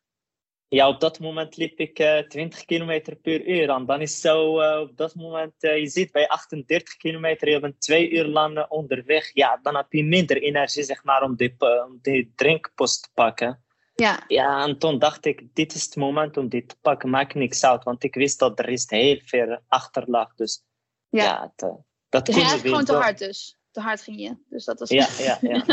Ja, Dus, ja, klopt. Want, Ik zag wel, ik Ja. heb je finish gezien, want eh, ik zag het laat. Ik kon niet de hele race volgen. Ik zag je even bij de Japaner lopen en daar ook van weglopen. Eh, en toen zag ik de finish. Maar ik vond dat het er heel soepel uitzag. Dat verbaasde me echt. Voelde je je echt goed ook in de laatste kilometer? Want zo zag het er voor mij in ieder geval wel uit. ik voelde me echt sterk als je kijkt mijn eh, laatste 10 kilometer. Vanaf het moment dat ik bij de Japaner wegging, ging Mhm. mijn kilometertijd van 307 naar 3- 301. Dus Ja. ik heb echt goed kunnen versnellen in de laatste 10 kilometer. Ja, ik voelde me heel sterk. Alleen maar voelde ik heel beetje dat mijn koolhydraten net een beetje op eh, waren. Maar dat Ja. is normaal als je bij eh 38, 40 kilometer bent. Ja, Ja, maar en ik voelde me versnellen dus. Ja, nog kunnen versnellen, ja. Ja. ja. dus eh, het zat echt meer in dan die 210. Maar ja, ik bedoel, de kampioenschap is een kampioenschap. Al, al was ik met 212, was ik ook blij mee. Als het om Ja. kampioenschap gaat. Want daar draait het om. En in de voorbereiding ben je nu heb, ben je wel in Nederland blijven trainen, toch? Dat zou je, Ja. Normaal ga je wel eens naar Marokko, of niet? Normaal ga ik altijd naar Marokko. Toen ik vrijgezel was, was het makkelijk, maar het anders. je weet precies zelf hoe dat gaat eh, als je getrouwd bent, je hebt een kindje. Ja, ik vond het gewoon echt, ja, toch weer beter om toch in Nederland te blijven. Want Mhm. ik, ik had net een dochtertje gekregen en ik ga op harte, trainen ja. staan. Ja, ik kan haar niet achterlaten. Dat kon ik niet doen, want een vrouw zei het van, ja, ik kan op trainingskamp gaan, maar ik zei nee, ik blijf echt met mijn dochter. Ja.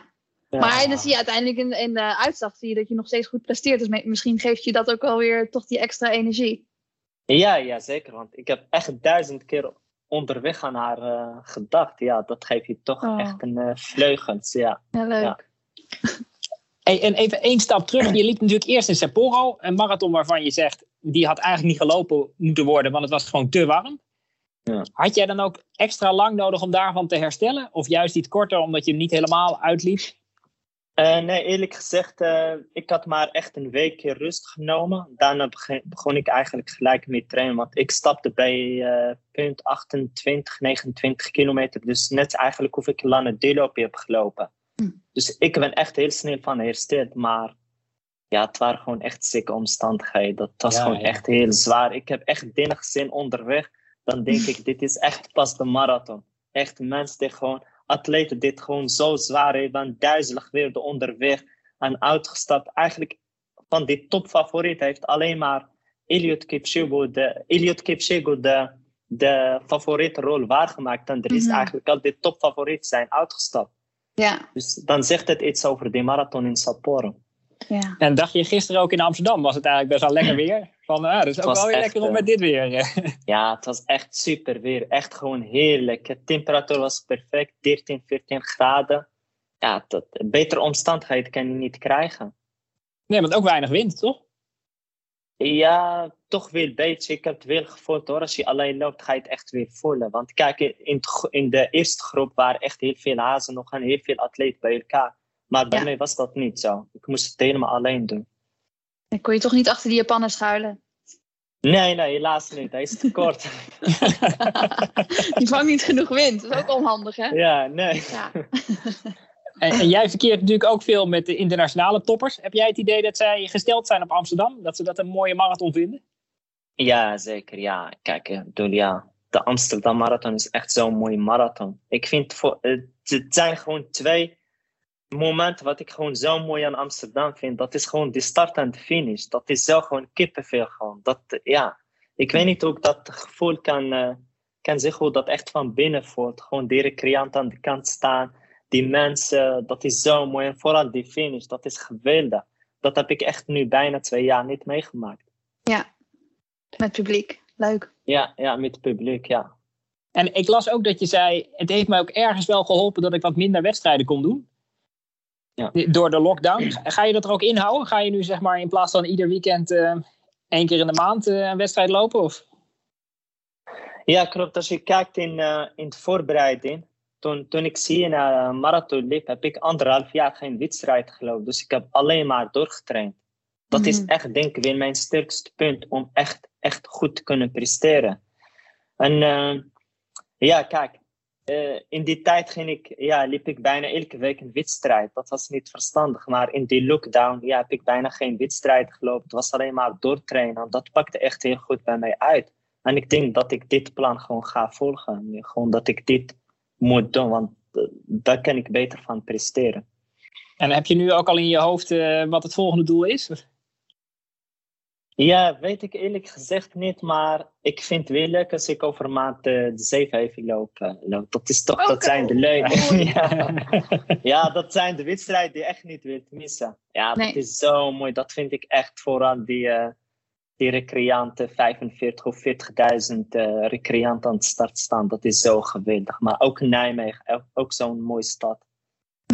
Ah, nou, dat klinkt zo als muziek in de oren. Ik zit hier gewoon van, ja, dit is een, ik me de woorden ja. uit de mond. Hartstikke mooi. En ja. we, we, hadden net uh, Ronald Scheur uh, aan de lijn. En ja, ik vroeg, heb, ja, heb je nog een mooie vraag voor onze volgende gast? En die zei, ja, ik heb een vraag. Namelijk, hij denkt dat jij dat je eigenlijk gewoon een wereldtopper bent die 2-7 zou kunnen lopen. Maar wat denk jij zelf dat je nog moet veranderen aan je training of, of wat dan ook, om die laatste stap naar die 2-7 te maken? Ja, om die stap te kunnen maken naar. Uh, zo moeilijk, ja. Ik moet eigenlijk niks veranderen, want ik heb de weg nu echt omhoog uh, gepakt. Dat gaat nu echt heel goed. En dit doorzetten om naar die 2-7, 2-8 te gaan. Ik denk dat dit echt dat weer gelijk heeft. Als je kijkt hoe ik ook over de finish kom, zo fris en zo gretig en zo uh, fit uit. En ik denk dat er echt weer 272 echt in zit. Alleen maar het moet kloppen. Zeg maar, ja. die dag moet echt alles kloppen.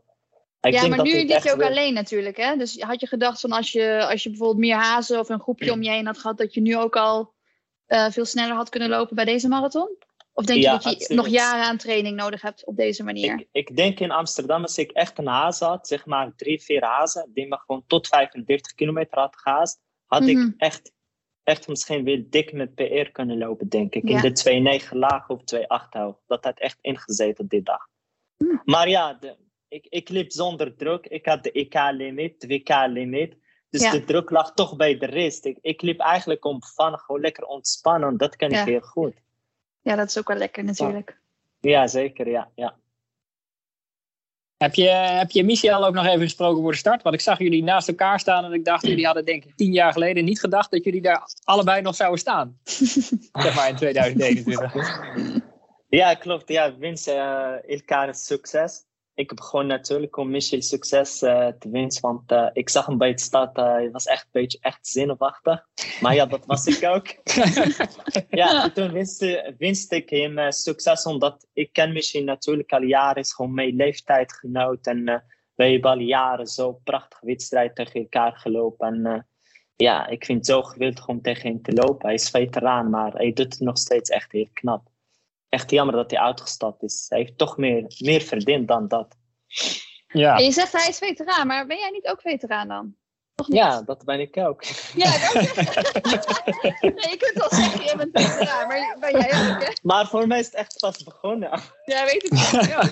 Maar goed, dan ben je nog steeds veteraan. Dus Oh ja, Suzanne, jij bent ook veteraan. Ja, het is hartstikke mooi om bij de oudjes te horen. Nee, ja, het is... eh, is, is ja, Ja. ik... eh, Op de marathon zegt het eigenlijk niks. Nee. Ik bedoel, ja, als ik atleten kan die nu 40 jaar zijn en nog steeds hun PR's lopen, dus dat zegt niks of je 35 of 36. Ik voel me gewoon fitter, sterker. Ik ga met alle plezier naar de trainingen. Dus ja, dan, ja, dan kan je jaren nog aan de top. hartstikke mooi. Wat ik me ook nog afvroeg, hoop je nou dat je dochter later ook gaat hardlopen? Tjoh, dat moet ze echt zelf weten. Ik ga niet tegen zeggen, oh kom hardlopen. Die keuze moet ze echt zelf maken. Misschien gaat ze een ander sport leuker vinden dan hardlopen. Ja. Maar ik zou haar niet adviseren om de marathon te gaan. nee, dat ga ik echt zeker niet doen. Nee. Nee. nog liever kickboxer dan jouw Ja, andere ja, liever, ja, liever kickboksen dan marathon lopen. Is leuker. Ja, klopt, ja. Liever klap krijgt dan zo'n marathon. Ja, dat zijn pas echte klappen, hè? de marathon. Ja. Ja, Nou, maar niet ja. iedereen kan dat. Je moet voor gemaakt zijn om zo'n afstand te kunnen. Je moet ook aanleg voor hebben. Je hebt echt jaren de basis om zo'n afstand te kunnen lopen. Ja. Maar goed, je hebt natuurlijk nu heb je wel een limiet voor volgend jaar heb je voor, eh, Ja. voor alle toernooien. Maar je Ja. gaat voor het WK, heb ik gehoord. Klopt dat? Ja, ja, ik ga voor het WK. Ik heb alles meegemaakt. Ik heb nu de Ja. Olympische Spelen meegemaakt. Ik heb twaalf keer Europese kampioenschap meegemaakt. En zo'n WK heb ik nog nooit meegemaakt. En dat wil Ja. ik heel graag op mijn cv hebben. En, Ja. en dat worden natuurlijk ook weer, denk ik wel, warme omstandigheden. Nu ga ik me heel anders voorbereiden dan nu. Oké. Nu heb ik een jaar de tijd. Kijk, in China was het toch een beetje krap. Ik liep de, de limiet in april en vier maanden later moest ik me weer opladen voor zo'n Olympische Spelen. Nu heb ik Mhm. gewoon echt meer tijd om me te kunnen voorbereiden. Ja. De op, de, op het WK in eh Eugene in Amerika. Ja, het is ook wel iets minder warm dan Sapporo, toch? Eh, dat weet ik niet. Ik ben nog Nou. niet naar Amerika geweest, dus dat wordt voor mij ook spannend. ja, je kan geluk hebben, je kan pech hebben. Volgens mij is het daar niet zo constant warm. Maar toen ik inderdaad in, in, in Portland was, toen was het daar gewoon 40 graden en heel erg vochtig. Natuurlijk wel minder vochtig dan in, dan in Tokio, maar ja, 40 Ja. graden is gewoon wel warm. Ja, ja, ja. maar Ja. ik kan weer goed tegen de warmte. Maar Ja. de luchtvochtigheid is toch anders dan in Japan. Want ik denk als ik terugkijk, ik heb in die tijd, eh, een maand voor Sapporo, heb ik in Marokko getraind.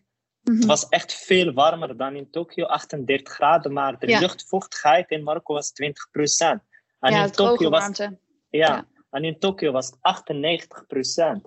Ja. Dus daar heb ik me een beetje ook in vergist, zeg maar. Maar ja, dat is Ja. een eh, leermoment voor mij, om dat, ja, Dat, mee te- nemen naar eh, het WK. heel goed. Nou, eh, eh, dankjewel. Dan eh rust eh, lekker uit de, de komende dagen. Ja, bedankt. En het was gezellig en eh, ja, Tot, eh, tot snel, tot de zeven heuvel lopen in ieder geval. tot snel hè. Tot de zeven. Doei. Hi. Hoi. Suzanne. Ik heb jou nog eigenlijk helemaal niet gevraagd wat jouw eh, doelen zijn voor de komende tijd. Heb je nog Mijn iets op het programma staan? Heb ik nog iets op het programma staan? Ja, ik heb qua wedstrijden heb ik nog even geen doelen. Qua training natuurlijk wel. Ik ben eh, nog steeds een beetje nou ja, mijn Achilles rehab en zo aan het opbouwen. Dat gaat heel goed. Dus ik kan nu eh, veel meer met veel meer gewicht allerlei oefeningen doen. En over twee weken ga ik dan naar Ierland. En hopelijk kan ik dan beginnen met hardlopen op te bouwen. En eh, de grenzen gaan waarschijnlijk weer open in Australië. Dus het is toch wel een soort van doel om, nou ja, hopelijk in december of januari naar Australië te kunnen. En dan gewoon volledig met het team mee te kunnen trainen. Dus dat is qua hardlopen het doel. En verder ben ik, ja, omdat ik natuurlijk nu wat minder aan het trainen ben, ben ik gewoon wat meer tijd aan het doorbrengen met eh Team Zevenheuvelen, met het juniorenteam daar. Ehm, en verder doe ik bijvoorbeeld ook aanstaande woensdag doe ik weer een clinic met, met allemaal basisscholieren. Ehm, dus ja, gewoon wat meer tijd aan dat soort dingen besteden. En we zijn bezig met het organiseren van eh, Run en Bun. Zeg maar, sommige mensen die mij op social media volgen, die zullen dat wel een beetje gezien hebben. Dat is, we gaan een training doen ergens in Epen, in, in, in de bossen. En daarna gaan we lekker barbecue en burgers eten. Dus natuurlijk beste worlds. Dus dat vind ik wel heel leuk. Dat wilde ik al heel lang doen. Ja, jij kijkt nu zo. Jij vindt Ja, ja, beste boat worlds. Ja, Ik denk, het wel. ik, ik noteer het. Wanneer, eh, wanneer is het? Hardlopen en burgers eten. Ja, ga je meedoen? Dat is 7 november. Maar het is wel met een kleine groep. Het is maar met 40 mensen. En eh, nou ja, er zijn nog wel wat kaartjes. Maar het gaat nu wel snel. Dus als je nog ja, voor de mensen die nu, eh, hoe lang hebben we nu gepodcast? Nu anderhalf uur hebben geluisterd, die, eh, die mogen zich nog wel even inschrijven. ook komen. Het wordt een eh, recordpodcast, denk ik, ja. Ja, ik denk het ook wel, de allerlangste. Nee, maar het, zou wel, ja, het is wel, wordt wel heel leuk, denk ik. Ik kijk er heel erg naar uit. Nou, dan ga ik het afsluiten, denk ik. Ik doe voorlopig namelijk helemaal niks. Nee, van dan, tot eh, 7 november dan. Ja, dan was dit het einde van de 58e aflevering van Suzy Q&A. Dank luisteraar, dank Suzanne natuurlijk. Eh, dank Dag en Nacht Media voor het monteren en eh, tot de volgende keer.